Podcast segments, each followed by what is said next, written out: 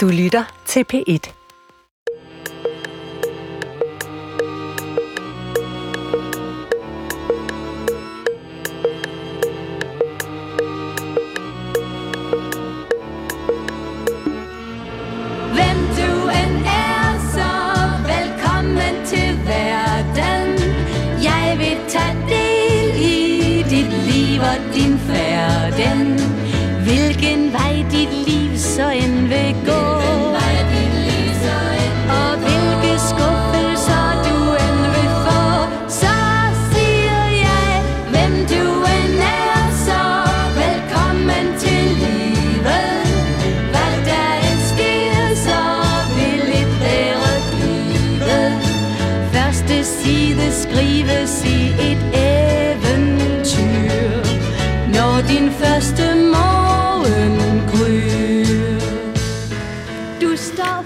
Goddag, mit navn er Peter Lund Madsen, og rigtig hjertelig velkommen til Hjernekassen på P1. Og kan man starte sådan en tirsdag morgen formiddag bedre end med Dorte Kollos hjerteglade stemme, som indvarsler kommen af et nyt liv og alle de dermed forbundne forventninger.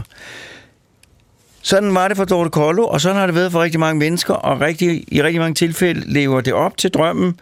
Øh, men øh, for mig personligt, øh, der var denne, denne ventetid, det var ikke den søde ventetid. Det var den angstfyldte, stressede, mere angstfyldte end stresset, vil jeg sige, men det var en, det var en foruroligende tid for mig.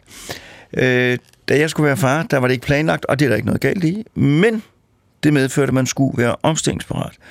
Og øh, jeg var i en fase, hvor jeg skulle rejse til USA og forske, og så fik jeg det her, og skulle forholde mig til. Og det betød, at den dag, jeg skulle holde afskedsfest på den afdeling, hvor jeg arbejdede som forsker, der var jeg så bevæget, at jeg besvimede under min afskedstale. Og det er en god effekt, men øh, det kan alligevel ikke anbefales, fordi jeg var lige ved at slå hovedet ind i en radiator, og min kone blev meget, meget forskrækket.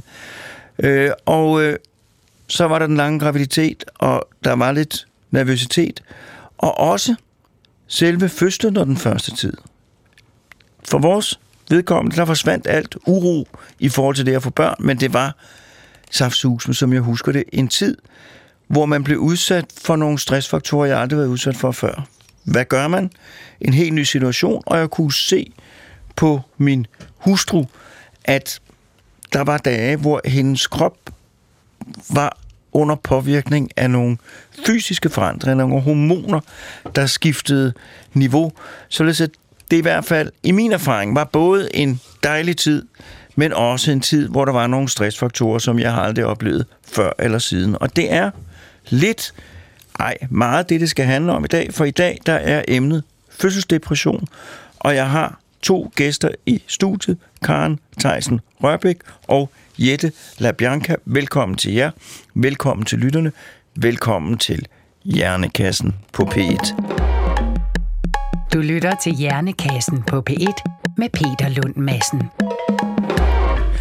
Og i dag, der skal det handle om fødselsdepressioner. Og min første gæst, det er Karen Theisen Rørbæk. Skolelærer i et af verdens allerbedste skoledistrikter, som er kendt for at uddanne elever, der med succes bevæger sig ud i livet på baggrund af en basisviden, ikke bare af faglig kunde, men også generel dannelse. Lyngby Torbæks Kommunes øh, øh, skolevæsen, hvor du er skolelærer på skolen. Ja. Vil du starte ud med at fortælle lidt om dig selv? Det handler jo om fødselsdepression. ja, det gør det, og ja. tak. øhm, jeg hedder Karen, og jeg er 33 år, og jeg er fungerende mor til to små børn og kæreste, og så er jeg skolelærer. Øhm, jeg har været tilknyttet psykiatrien øh, siden jeg var 16 år, øh, hvor jeg desværre har været plaget af en gang imellem at få depression, noget, altså tilbagevendende depression. Så har jeg også haft en smule panikangst og noget generaliseret angst på siden, men det er ikke det, der har fyldt specielt meget. Det har været det her problem med, at jeg engang imellem blev ramt af depression. Og i forbindelse med, at jeg når en vis alder og tænker, nu kunne det måske være meget sjovt at få nogle børn, så begynder jeg at tale med min psykiater om, øh, hvordan er det her, kan man overhovedet tillade sig at få børn, når man har tendens til depression, og hvad gør man? Og jeg bliver klar over, at der er en øget risiko for, at man får en fødselsdepression, når man allerede er øh, disponeret for at få dis, øh, depressioner. Men vi blev enige om, at det tør vi godt kaste os ud i. Og øh, jeg bliver af den grund øh, skiftet, eller skifter jeg til noget medicin, som man øh, synes er mere fostersikkert. Og det går faktisk alt sammen rigtig godt, og jeg bliver gravid, og det hele forløber, som det skal. Og jeg føder en, en sød lille pige øhm, på Rigshospitalet i 2017. Og der oplever jeg så for første gang at få en fødselsdepression. Et par år senere, der vil jeg gerne være gravid igen. Og denne her gang, der ved jeg jo også godt, at der er den samme risici, eller risiko for at få en fødselsdepression. Øh, og her oplever jeg faktisk at få en rigtig svær fødselsdepression og blive virkelig, virkelig syg. Og det er ligesom den, jeg har tænkt, jeg vil fortælle om i dag. Ja, jeg har lige nogle indledende spørgsmål, ja. Ja. fordi at du siger, at du havde nogle depressioner inden. Kan du ja. fortælle, at var det alvorlige depressioner? Øh, Hvordan var det? Det starter i gymnasiet øh, med, at jeg får nogle øh, symptomer på depression, og jeg er trist, og jeg er ked af det. Og jeg tror, nu har jeg jo min læge med i studiet i dag, men jeg mener, at vi kan kategorisere dem som mellemsvære depressioner tit. Jeg er heldig på den måde, at jeg er ejdig ude og flirte med ideen om ikke at være her mere, eller det er ikke på den måde, jeg bliver ramt. Jeg bliver bare rigtig ked af det og træt, og synes, det hele er svært, og kan ikke se øh, nogen ende på det. Men jeg ved godt rationelt, at der er en ende. Og jeg har været heldig at få meget god hjælp af blandt andet medicin. Øh, så jeg har haft en erfaring med at blive ret hurtigt rask, når jeg opdagede, at jeg var syg og fik behandling.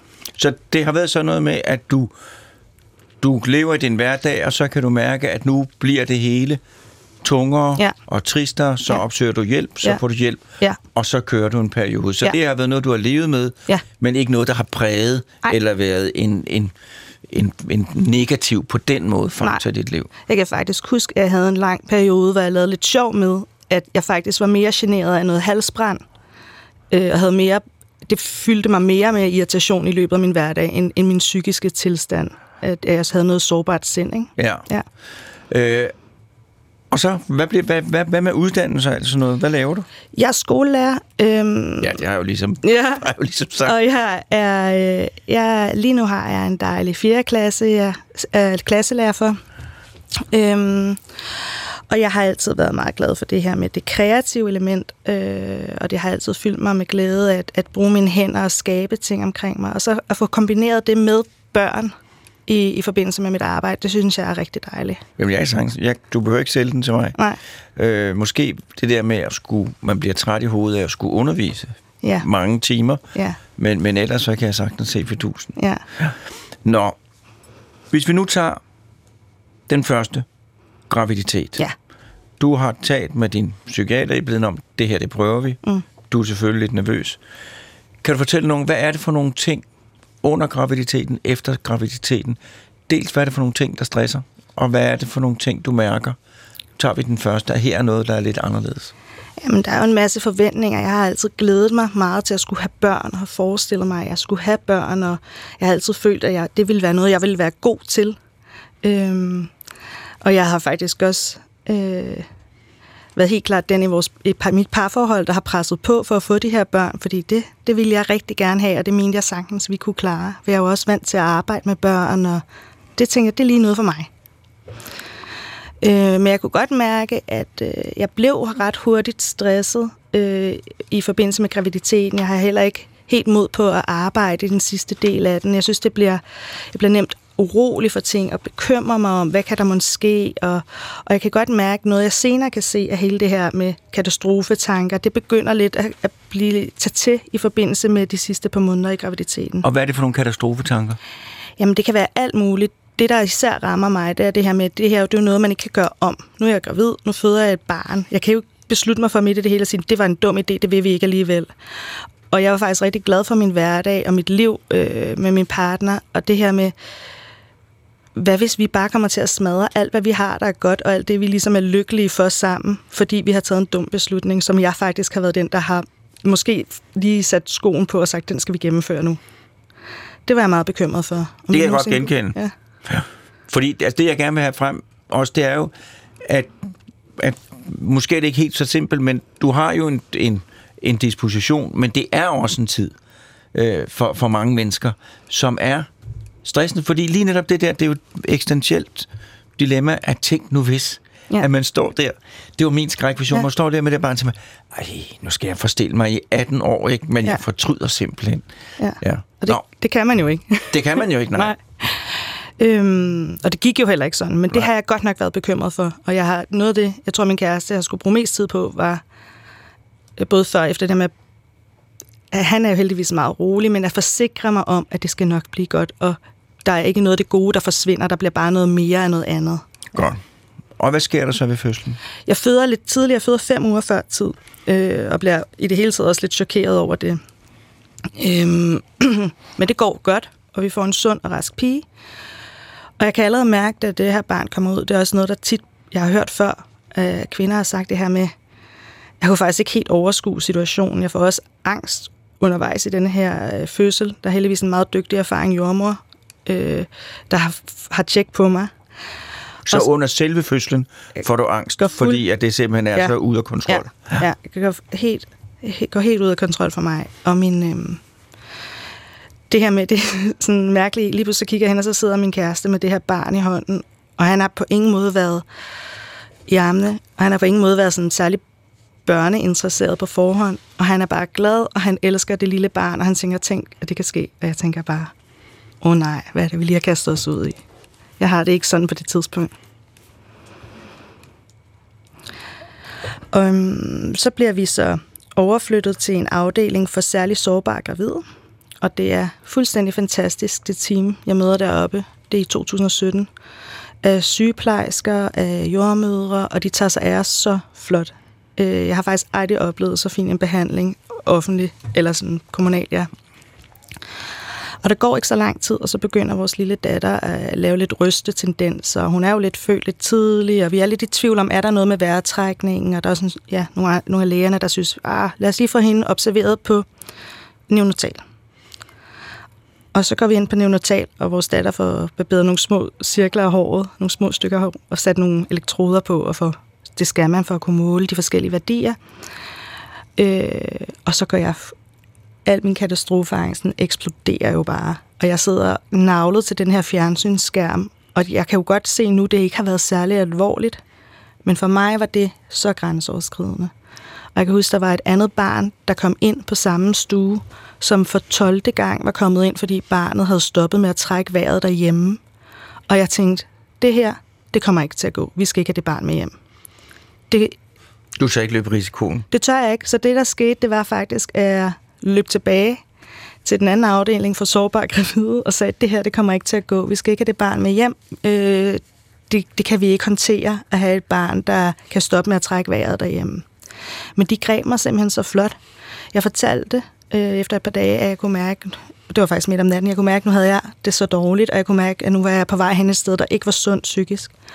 Og samme nat sidder jeg få en halv time efter med en dygtig, dygtig, jeg tror måske, han har været psykolog eller psykiater, eller på Rigshospitalet, er begrebet af alle de dygtigste mennesker derinde.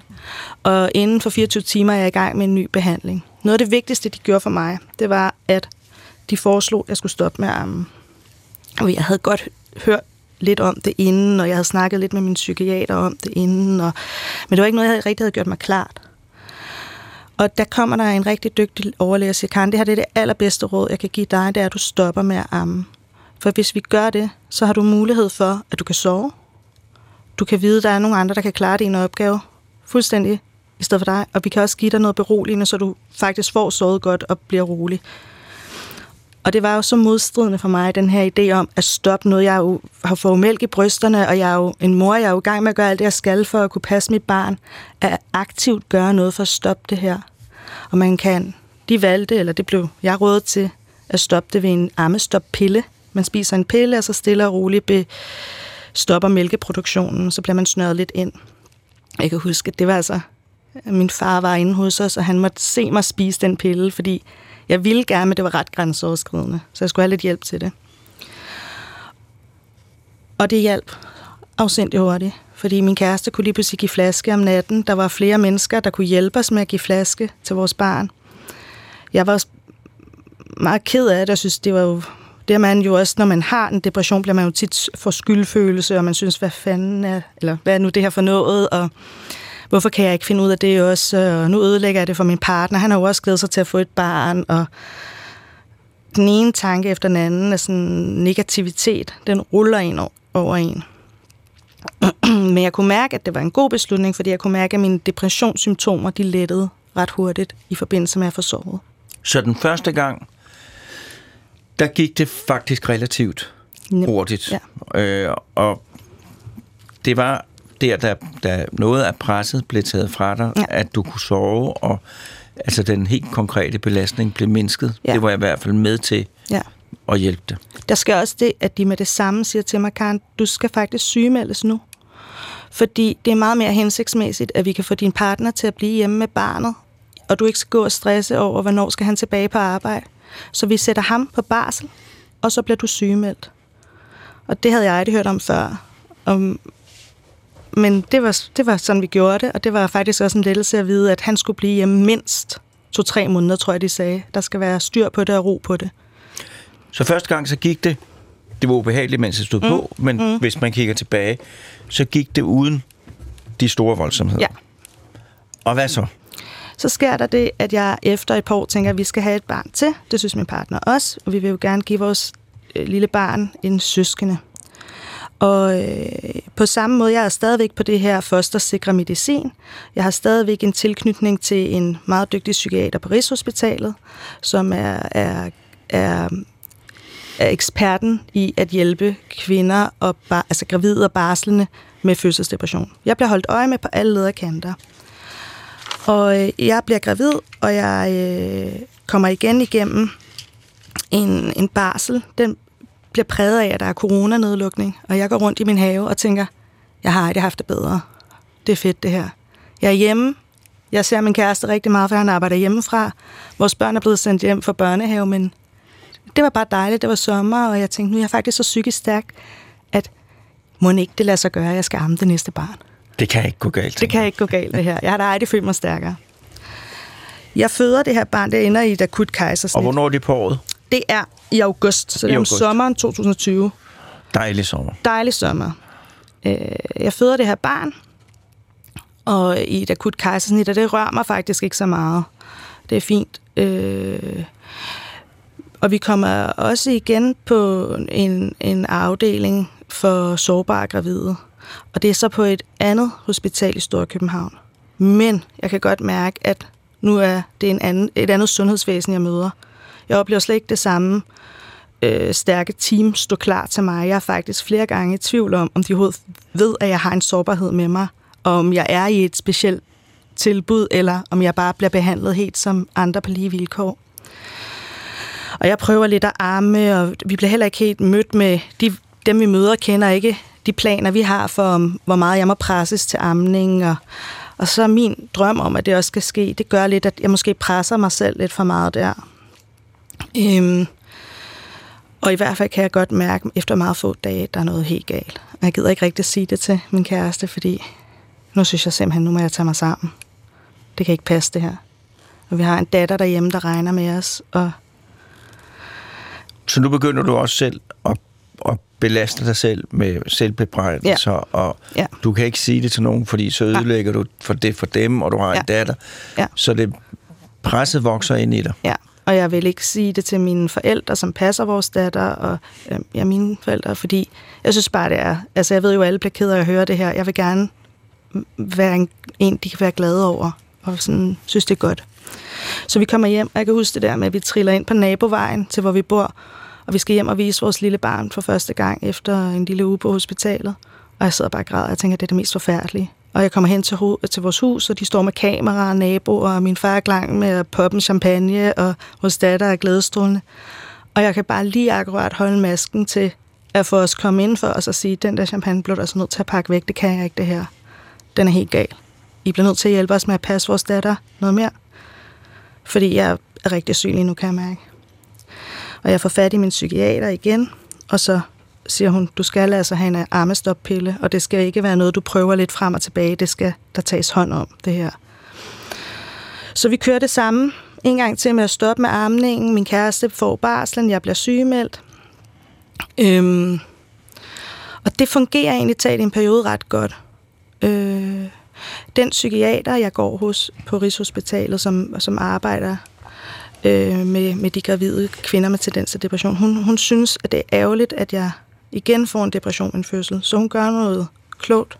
Hun tænker, hun vil skifte mig over til noget andet medicin nu. Fordi jeg har ikke nogen flere, altså jeg har ikke flere drømme om flere børn. Så jeg bliver for skiftet noget medicin. Og hun spørger mig også i den forbindelse, om jeg har nogle problemer i forhold til angst, og om jeg har nogle problemer i forhold til, til noget andet inden for det her med depression. Og det synes jeg jo ikke rigtigt, jeg har haft så meget. Lidt, sådan, lidt har vi vel alle sammen. Men... Vi har alle sammen lidt. Ja. undtagen Morten. Okay. Men jeg tænker, jeg affejer hende og siger, det er der ikke noget. Så går jeg hjem, og så begynder jeg faktisk at blive rigtig dårlig, og jeg ser det ikke selv. Jeg vil klare alting selv. Jeg vil selv følge mit barn i børnehave. Jeg vil selv passe mit eget spædbarn 100 procent. Øh, jeg begynder at blive rigtig dårlig. Og hvad tænker du egentlig dig selv? Har du sådan, Jeg opdager ikke rigtigt, at jeg bliver dårlig, for jeg føler... du bliver bare suget ind i, at det her skal du klare? Ja, og jeg synes, jeg kan også godt grine af nogle ting, men jeg synes faktisk, at alle andre begynder lidt at modarbejde mig. Og, øh, og jeg begynder at synes, at jeg tænker, kan vide, hvor meget det her er en tilfælde.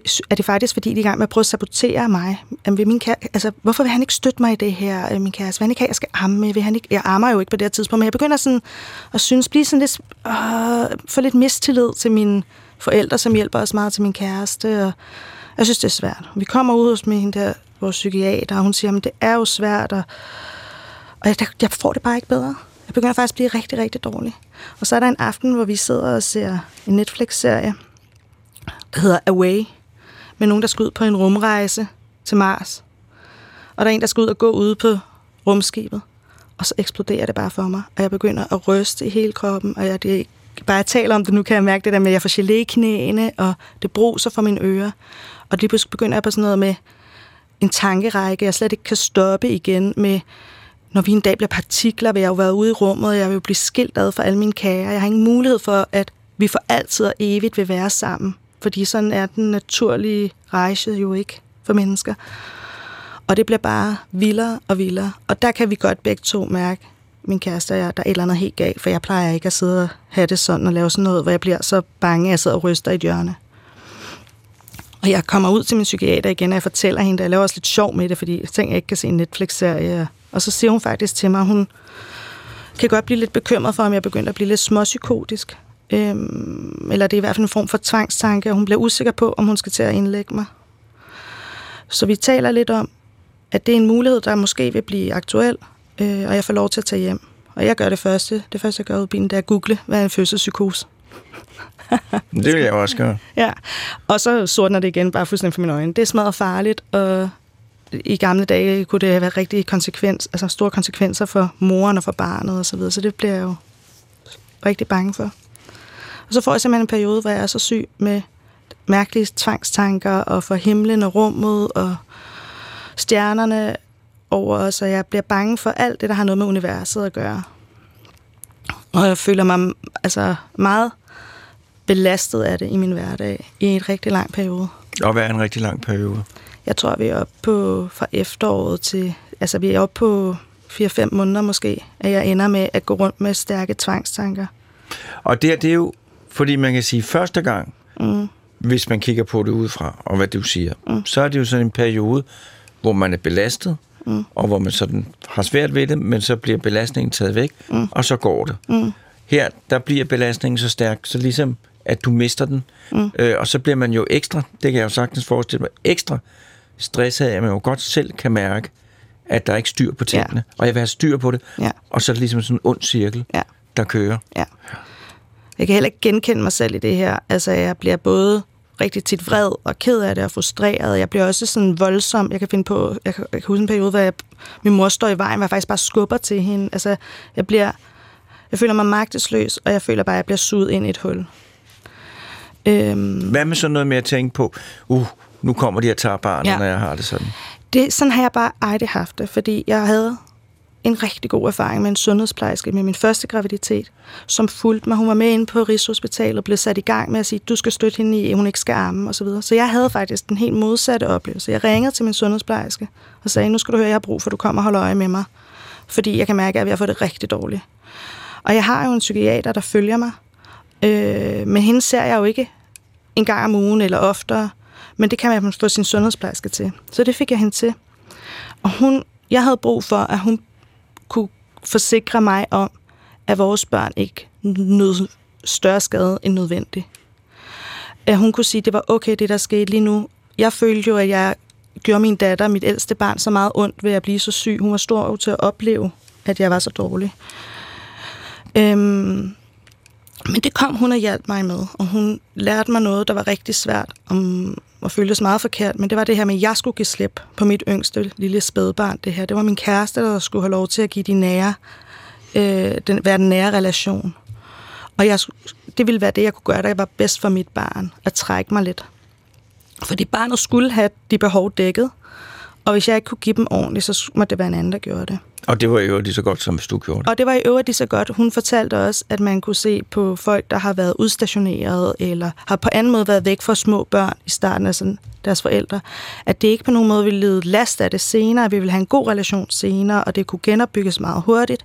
Så hun beroligede mig og sagde, at det var det rigtige at gøre. Så her er et, et menneske, offentlig ansat, som mm. virkelig har haft mm. via sit arbejde en betydning for dit og din ja. families liv. Ja, og de har det stadigvæk den dag i dag. Fordi jeg ved, der er en tryghed i, jeg kan stadig ringe til hende, indtil mit barn er 16 år. Det er få dage siden, jeg snakkede med hende sidst. Øh, til at berolige mig og sikre, og så forsikre mig om, at det vi gør er godt. Og at vi har de ressourcer, der skal til, øh, når vi lige taler om, hvordan vi bruger dem bedst muligt. Så det vil jeg sige, det har haft meget stor betydning for os. Man kan jo også huske på, det er ret belastende for et parforhold at få et spædbarn. Det er endnu mere belastende for et parforhold, når den ene så bliver, får en fødselsdepression. Og der har jeg også læst nogle statistikker, der gør mig meget ked af det, det her med, at der er mange parforhold, der går i stykker i forbindelse med depression og så videre. Og der var hun altså også inde og hjælpe os som par til at komme igennem det her sammen på en god måde. Det var jeg rigtig glad for. Og hvordan, hvordan kommer det så til en afslutning? Der sker så det, at jeg så efter... Øh, jeg bliver fuldt ret lang tid af den her psykiater på Rigshospitalet. Og hun er sød og følger mig øh, længere tid, end, end hun normalt gør, fordi hun kan se, at jeg har det så svært. Hun siger, på et tidspunkt, så tænker hun, det er bedst, at jeg kommer tilbage til min egen psykiater, øh, som jeg har kendt, siden jeg har været i gymnasiet. Fordi nu er vi ude over det her, men jeg er jo ikke gravid mere, jeg er også øh, godt i gang ved afslutningen af min barsel. Og jeg kommer så tilbage til min egen psykiater, og jeg fortæller hende, det er jo så på Teams eller på Skype eller et eller andet, fordi vi var jo stadigvæk under corona, jeg har det bedre, jeg har fået stoppet min depression. Jeg kan godt mærke, at det her medicin har sat en stopper for depression, men jeg har et nyt problem, og det er det her angst. Jeg kan simpelthen ikke gå en dag uden, at det hele skal stilles op med, nu skal jeg huske at nyde livet, og nu er det få sekunder til, at jeg ikke har mine børn omkring mig mere. Altså det hele bliver sat på spidsen hele tiden, og det er meget opslidende. Og så siger min psykiater til mig, det kan jeg godt hjælpe dig med. Der er gået fem minutter. Jeg kan huske, at dengang du kom til mig i starten, der gav vi dig noget medicin, som virkede rigtig godt på dig, Karen. Nu er du færdig med børn. Vi skal da tilbage på det medicin. Efter to dage, så kan jeg mærke, at der er en tog, der, det kan jo også være placebo, men jeg kan simpelthen mærke en tog, der letter omkring mig. Og fra uge til uge bliver jeg bare bedre og bedre. Og nu er jeg tilbage til at være almindelig Karen igen, og kan kende mig selv. Øh, så det, var, det er en meget voldsom oplevelse. Jeg har stadigvæk en sorg over, at jeg har skulle igennem det her. Og en stor... Ja, jeg har lært at leve med den skyldfølelse over for min datter, at hun skulle opleve, at hendes mor skulle have det sådan her. Men, men det her, det er faktisk ret voldsomt, synes jeg, at opleve, at man har det i sig. At man lige pludselig oplever at kunne have noget så voldsomt i sig, at man får skøre tanker, og alt, hvad der normalt har givet for noget, altså mening, de pludselig ikke giver mening. Og, ja det kan jeg godt forstå. Men øh, det har vi jo alle sammen i os, øh, i forskellige lethed og få fat i det. Øh, jamen, øh, så du vil sige, nu har du og din familie det godt? Ja. Og, øh, og det er fuldstændig godt? Ja. Det er godt. Jeg kommer tilbage til dig senere. Du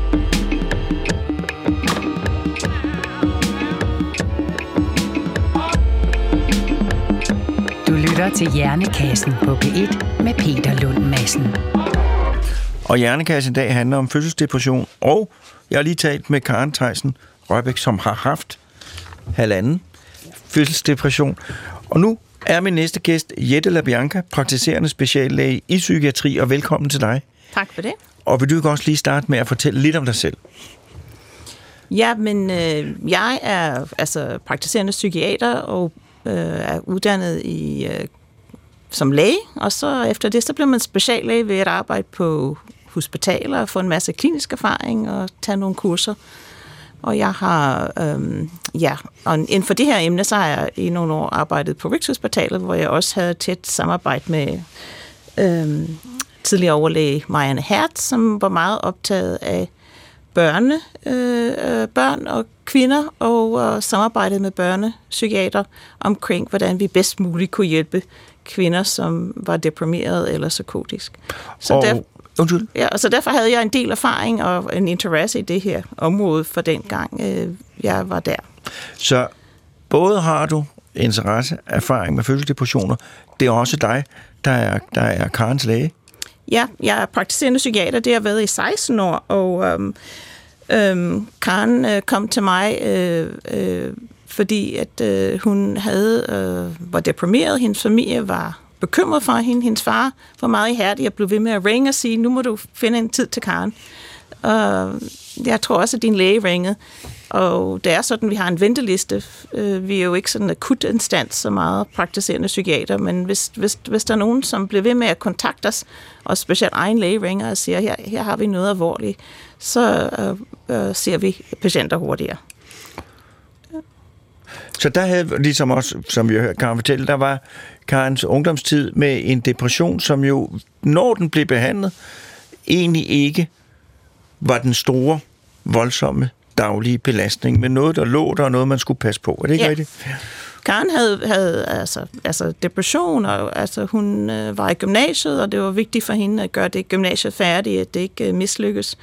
Og det, øh, altså, jeg har altid arbejdet en del med unge mennesker, så det, det var også noget, som jeg prioriterer. Øh, og så vi gik i gang med både samtaler og, og medicin, som Karen fortalte om, og det øh, heldigvis hjalp det egentlig meget godt, så Karen kom igennem gymnasiet. Og så kan jeg se, altså vi har kigget lige og set, Karen, faktisk, at du har altså været henvist til mig fem gange siden 16 år altså alderen. Så du har haft et forløb, hvor du har øhm, ja, fået det bedre og blevet afsluttet, og så kommet igen. Men det lyder på mig et stille og roligt, øh, godartet forløb. Og så kommer ja. Ja. Karen og siger til dig, eller det ved jeg ikke, om Karen gør, kommer Karen og siger til dig, at nu skal jeg være gravid. I, øh, hun, hun spørger om, hvad jeg mener om det. Ja. Altså, og det er sådan tit, at når jeg har unge kvinder i, i de fødedygtige alder, så på et eller andet tidspunkt, så snakker vi om, at, at øh, når du nu beslutter, at du vil have børn, eller hvis du og din partner beslutter at have børn, så skal vi jo snakke om det, så vi er sikre på, at du har en, øh, om, om vi skal stoppe medicin, eller hvis du skal være i en stabil fase. Du skal ikke være øh, svært depressiv eller svært angst, og du kan måske trappes ud af medicin, ellers hvis du har brug for medicin, så skal du have noget, som øh, ikke vil skade barnet. Øhm.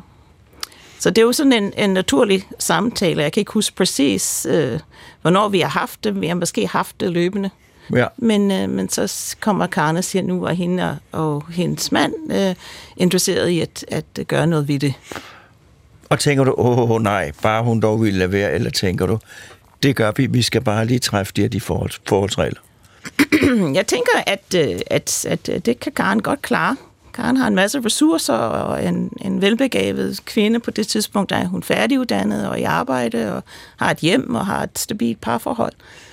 Øhm, og øh, hun, øh, øh, vi har prøvet, øh, Karen har prøvet at komme ud af medicin og havde en periode, hvor hun slet ikke fik noget, men så fik hun brug for det igen og startede op igen. Og så, så på den måde, hun er også en, en kvinde, som har en erkendelse at, at, at hendes sårbarhed og er indstillet på at samarbejde omkring det. Ja. Og på det tidspunkt så um, havde Affektiv Klinik på Rigshospitalet et tilbud om, at vi kunne henvise kvinder, som var øh, være at øh, øh, som var gravid, eller være planlægge graviditeten. Og så vidt jeg kan huske, så kom du og øh, din partner til en samtale, før du blev gravid, og fik et, øh, en samtale med øh, den her overlæge, øh, som er ekspert, og hun forklarede jer om hvad der var af tilbud og muligheder og medicin. Ja, for det lyder som om, at i hvert fald første gang, der var man meget forberedt, og der stod et stort apparat på vej, og når, og når Karen fortæller om det, så lyder det jo også som, at hun havde stor glæde ved, at, at der hele tiden var nogen til at øh, gribe hende og vide, hvad der Og skulle gøres, hende, ja. og støtte hende. Ja. Og det var altså det var øh, på det tidspunkt der, der blev anbefalet at, at du skiftede medicin. Altså det det, det iværksatte øh, jeg og Karen i samarbejde og så øh, blev du gravid og så og henviste jeg til en egentlig øh, forløb hvor de så på det tidspunkt fulgte dig under graviditeten og i barselsperioden. Så det var rigtig fint. Øh, Der havde været en tradition på Rigshospitalet at have et tæt samarbejde med svangerafdeling og øh, barselsgangen. Øh, og det, på det tidspunkt var fungeret det rigtig optimalt, som Karen beskriver. Og så ved anden graviditet, der var der ikke, der var det holdt op, eller hvad? Nej, altså, altså der på tidspunkt, altså, altså de øh, affektiv klinik havde så ændret lidt deres procedure, øh, og den er sådan nu, at man stadigvæk kan henvise gravide kvinder, øh, som har svær øh, tilbagevendende depressioner og øh, bipolære lidelser. Men ellers er de, øh, har de gået over til mere en rådgivning instans til egen læge og til de praktiserende psykiater omkring, øh, hvad kan det være hensigtsmæssigt i form af, øh, hvilken medicin man kan give, hvis det er nødvendigt at give medicin, og hvad, hvad er mere sikker øh, i forhold til øh, fosterets udvikling. Så, men Karen havde øh, fået lovning, at, øh, at du kunne komme tilbage, hvis du blev gravid igen, så derfor øh, blev du genhenvist til samme psykiater, som havde lovet at følge hende i, i øh, nummer to graviditet. Og det gjorde hun også. Det gjorde hun også. Ja. Godt. Hvis nu, nu der har flere spørgsmål. Karen, der var man, der var man forsigtig fra start af, fordi man ved, at hvis man har haft depression, så er der en større risiko. Kan man også få en fødselsdepression, selvom man ikke tidligere har haft depression eller angst eller noget? Det kan man godt. Det, øh, det kan man godt. Altså, man kan sige, at altså, man har jo en biologisk sårbarhed, og den sårbarhed øh, til, for depression er større hos nogle mennesker, end der er hos andre mennesker. Og så kan der så være udefra kommende stressfaktorer, som for eksempel en graviditet, som udløser en depression eller en fødselspsykose. Og øh, så, så der er en risiko, man kan sige, at der er cirka både hos fædre og mødre, cirka 6%, som kan få en fødselsdepression. Af alle, alle fødende. Ja. Ja. Så det er jo ikke meget, meget sjældent. Nej, det er ikke så, det er ikke så sjældent, og det, det er meget, meget vigtigt, at alle parter, øh, svanger, øh, barselsafdeling, øh, at øh, sundhedsplejersker, egen læge, øh, har, har, har øje og er åben for det, øh, og opmærksom på det. Heldigvis nu har vi en tradition, at sundhedsplejersker øh, kommer hjem og rater alle øh, øh, i barselsperioden, at, øh, både fædre og mødre, og, og screener dem for depression. Og, og, det er jo- hvis, og hvis de får depression, så opfordrer dem til at kontakte egen læge. Ja. Fordi det er jo ikke, udefra set, så er det jo, så er det jo ikke underligt. For det er jo en, for kvinden, både fysisk og psykologisk, meget omvælt, om, omvæltningsfyldt periode. Jo, det er det. Og det er det jo også for manden, og der er jo mange, som, som Karin jo selv, der er jo mange sådan eksistentielle ting, som, som man kan blive øh, udfordret med, at det her, det er for resten af livet. Alle de her Alle de ting, tanker, som, ja. som, som måske, at man hidtil i ens liv har været vant til, som bare gør noget andet. Her er der et, en situation, man ikke bare kan gøre noget Ja, andet. man kan ikke sådan lige løbe væk. Hvis- og, det, og det, jeg tænker, er meget, meget vigtigt her. Altså, jeg synes, Karen er jo, har været rigtig øh, altså, klog, og, og, og det, hun fortæller om, hun på forhånd kontakter sundhedsplejersken og beder om hjælp, øh, er rigtig vigtigt, at hun søger, opsøger og samarbejder omkring behandler under hele forløbet.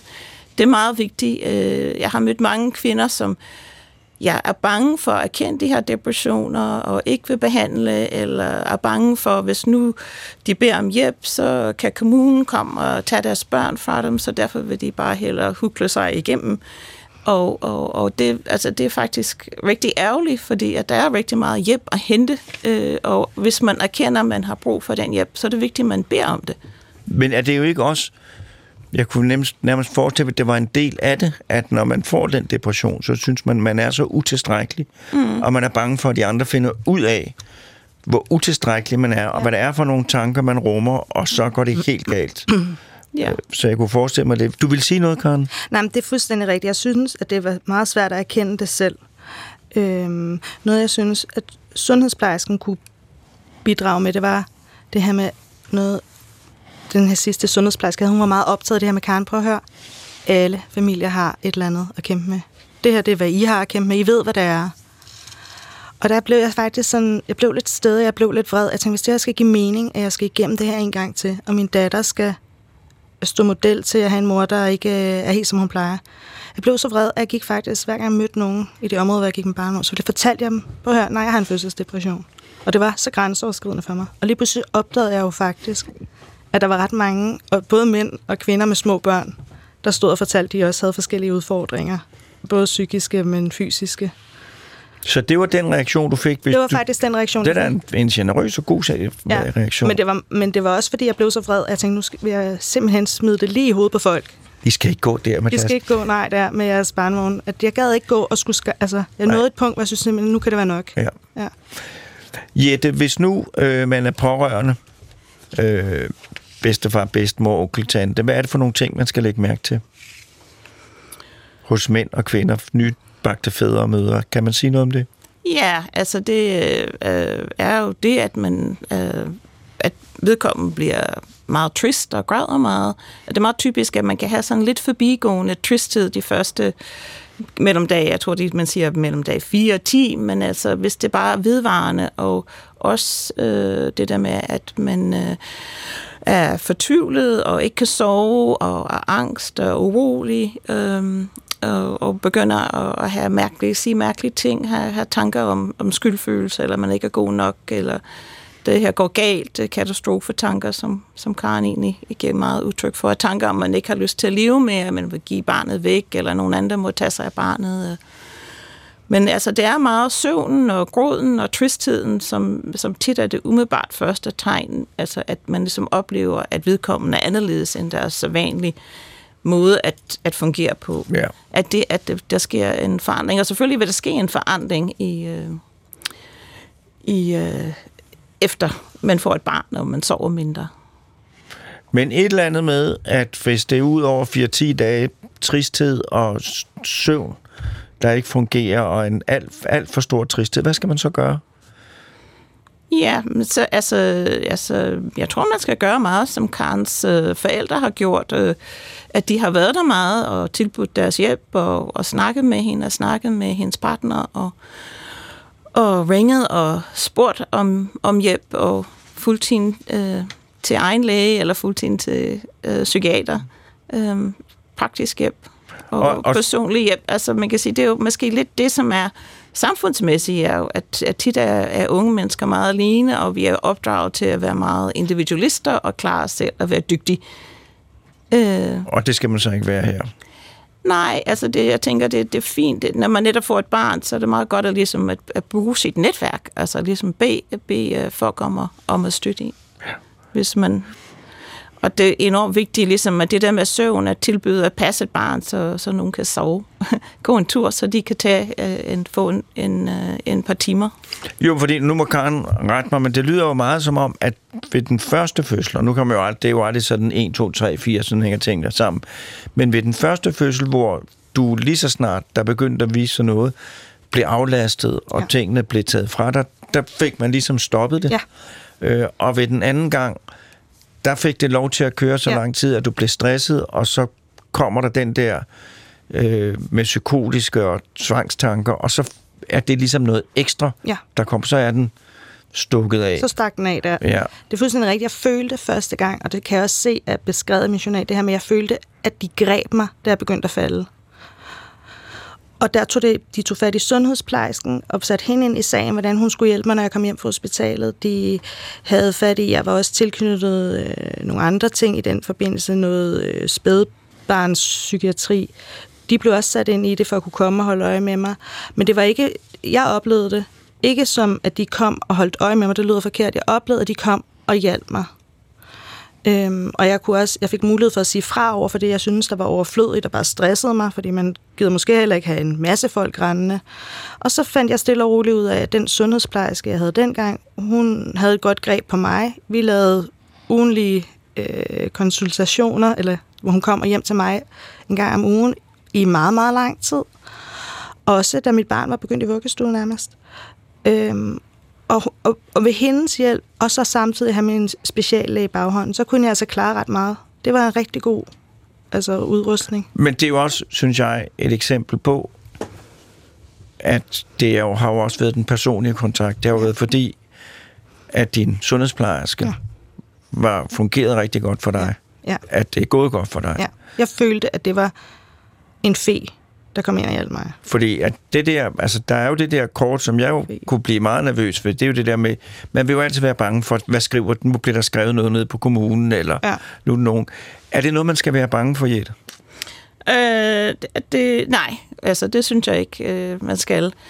Øhm, fordi at, at det er kun i meget, meget ekstrem øh, tilfælde, at, at man overhovedet begynder at overveje, øh, hvad, at man fjerner nogle børn. Altså kommunen har faktisk en række tilbud øh, i familierådgivning, familiebehandling, som de øh, stiller gerne op med øh, og støtter øh, mennesker, som er forældre, som har børn, hvor den ene har en fødselsdepression. Og, og, og det er det sidste, man gør, at fjerne et barn. Altså man prøver altid at holde barnet i, i, sammen med forældrene og støtte dem som familie. Ja, fordi altså, nu må du rette mig, hvis jeg siger forkert, men hvis nu, at moren, som jo nok vil være det hyppigste her tilfælde, hvis hun har det rigtig dårligt, hvis hun har det også har det så dårligt, at hun ikke har lyst til at opsøge hjælp, fordi mm. at man har katastrofetanken, mm. så er det vigtigt, at familien, øh, at familien ja. hjælper med til at få hjælp, fordi det alt andet vil lige mm. vil hjælpe til at få et meget, meget bedre forløb. Det kan jo også være sundhedsplejersken, der ser, at du har det rigtig dårligt, når Ja. du taler og hun kan sige til dig, du har det faktisk rigtig dårligt, du kan få det bedre end det her. Ja. Øh, min frygt var faktisk ikke så meget det her med, om de ville tage barnet fra mig. Øh, det var mere det her, jeg kunne godt være ret bange for, hvad jeg ligesom, hvad fik jeg ødelagt for mine børn? Kunne jeg komme til at skade dem langvarigt ved, at, at de skulle igennem det her med mig? Øh, Du tænkte på psykologisk skade, var ja, det ikke det, du ja, tænkte på? det var det. Og Ja. det fyldte ret meget hos mig, at jeg ville gerne have, der var nogen, der ligesom kunne gøre mig tryg i forhold til, at de havde det okay. De kunne godt komme igennem det her, uden at jeg havde fuldstændig ødelagt dem. Men vil det ikke også være en meget typisk ting, man har ved en depression? Frygt Jo. for, at nu har jeg Nu belaster jeg Ja. omgivelserne. Og smadrer mine børns liv. Ja. Ødelægger mit parforhold, øh, ødelægger mine børn. Altså, jeg har ødelagt alt, fordi jeg skulle have mig et til barn, ikke? Det var den, man kunne tænke. Jeg, altså, men jeg, jeg synes, at måske øh, det, den, det er værd at nævne, at, at der er mange elementer i det her. Øh, Karen var begge gange, du var tilknyttet det, man kalder blå team, som, som man får tilbudt egen læge, kan bemærke det, eller ja. Når man kommer til første jordmorundersøgelse. Så hvis man siger, at man er psykisk sårbar, eller har tidligere haft en depression eller noget angst, så vil man blive tilbudt et forløb, hvor man har flere øh, konsultationer hos jordmor og læge og en ekstra scanning. Og det følte jeg på samme måde også, jeg undskylder det, ja. at det var virkelig godt. Jeg blev første gang tilknyttet et, øh, et forskningsprojekt, nogle jordmøder havde lavet, hvor jeg kom og gjorde gymnastik to gange om ugen på Rigshospitalet med andre kvinder, der var sårbare, og muligvis også fik medicin. Øh, så jeg kendte Rigshospitalet som en egen baglom. Jeg var oppe og se, hvor skulle jeg føde henne. Det her var nogle af de jordmøder, jeg kunne møde. Hvor skulle jeg hen bagefter? Du, din kæreste kan få lov til at sove her. Han må, de lavede en ordning, så han kunne få lov til at spise sammen med mig nærmest. Fordi det gjorde mig bare så tryg. Ja. Jeg skal lige spørge Karen noget faktuelt. Øh, ikke Karen, undskyld, det er Jette. Øh, hvad det hedder, er det på, hvordan viser det sig hos mænd? Er det på samme måde, det viser sig? Ja, det er det typiske, det er de samme depressionssymptomer, man kender. Det er øh, angst, øh, tristhed og grådetendens, og man ikke har lyst til at, øh, altså man kan ikke magte øh, sit arbejde, og man øh, ikke kan sove om natten. Jeg har, jeg, har, jeg haft et forløb med en mand, som havde en høj stilling og havde... Øh, var totalt stresset, havde mange, mange overarbejdstimer, og, og, og til sidst så, så sagde han op. Og så gik han bare hjemme, og så kom han øh, i behandling hos mig, og fik noget medicin og, og samtaleforløb, og, og stille og roligt kom, kom så, og nu er jeg arbejde igen. Men han har så valgt et arbejde, som er mere familievenlig. Mm. Fordi at det, øh, det der, at, altså nogle gange er man nødt til at justere sin livsstil, når man får et barn, fordi så er der nogle andre krav og nogle andre behov. Men det er igen tristheden og søvnbesværet og mange spekulationer og bekymringer, selvbebrejdelser. Ja. Kan?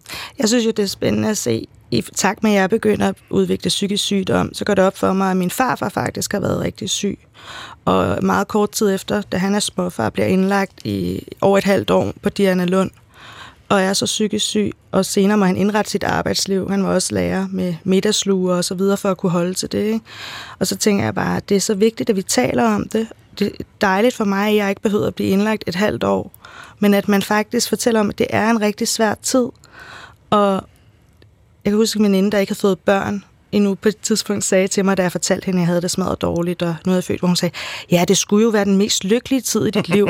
og jeg tænkte, det er svært at forklare det her, fordi det er det jo ikke. Det er jo meget, altså, man har mange frustrationer, og der er meget i familien, der skal kæmpes på plads med nye roller. Ikke? Så der er jo mange ting, der er på spil. Men jeg synes bare, at det er så vigtigt, at jeg er så glad for, at jeg kunne blive hjulpet på denne her måde. Øh, og jeg håber, at man fremover, at jeg måske får styrket psykiatrien endnu mere, så man kan få det forløb, jeg fik første gang. For det var jeg imponeret over. Ja. Men altså, det er jo en tid, som har været og stadigvæk er forbundet med en masse indirekte, øh, og vil jeg også sige nogle gange, nej, det vil jeg ikke sige, men jeg vil sige meget massive krav. For mm. jeg kan huske, at øh, lige så tydeligt, at min kone kunne ikke få mælken til at løbe Nej. til. Øh, og det udviklede sig til en, altså en angstfyldt affære, fordi jeg synes, hun fik dårlig rådgivning. For hun fik, i stedet for at gå til flaskemælk på et rimeligt, så at vide, hvis, hvis, hvis, han ikke begynd, hvis det ikke begynder at fungere, så kan han risikere at blive hjerneskadet. Så fuldstændig vilde ting, der blev sagt, fordi at der dengang, da min første dreng blev født, var en meget, meget stærkt ønske om, at Ja. man skulle amme, Ja. fordi det var naturligt det bedste.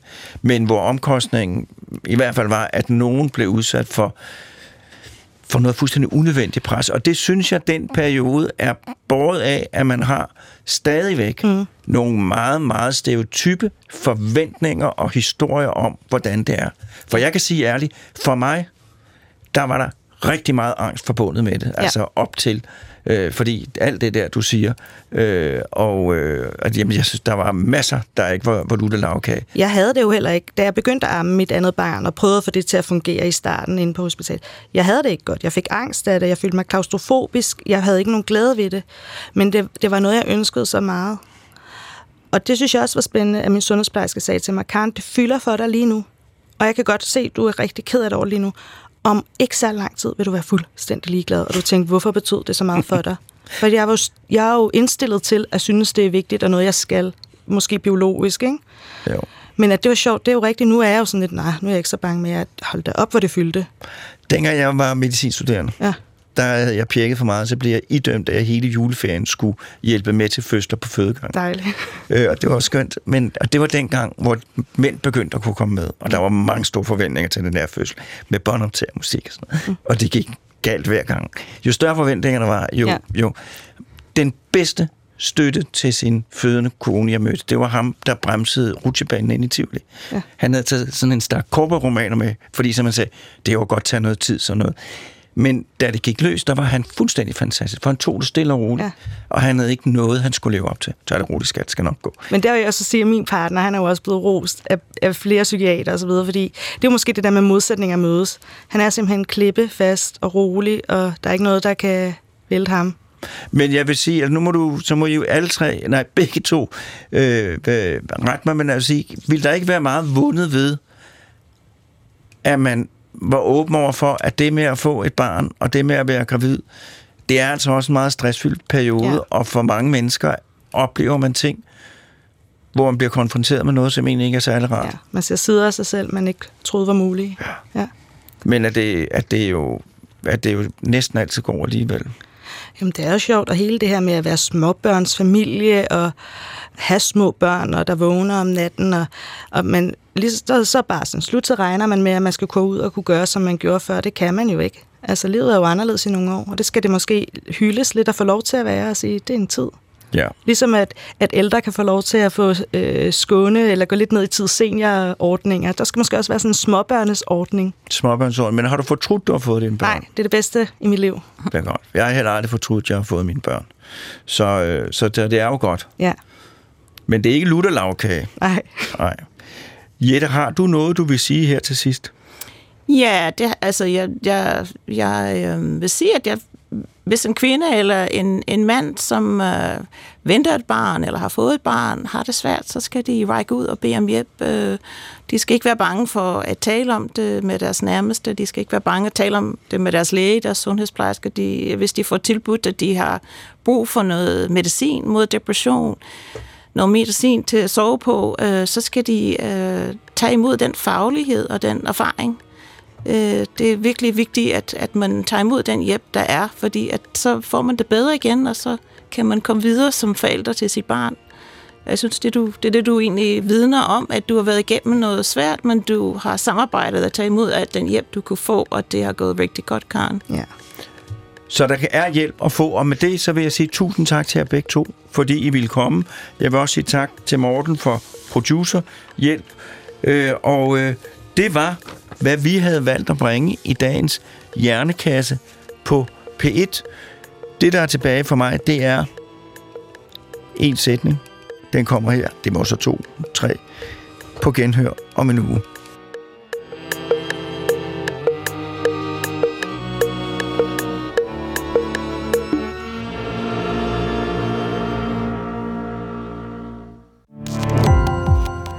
Gå på opdagelse i alle DR's podcast og radioprogrammer. i appen DR Lyd.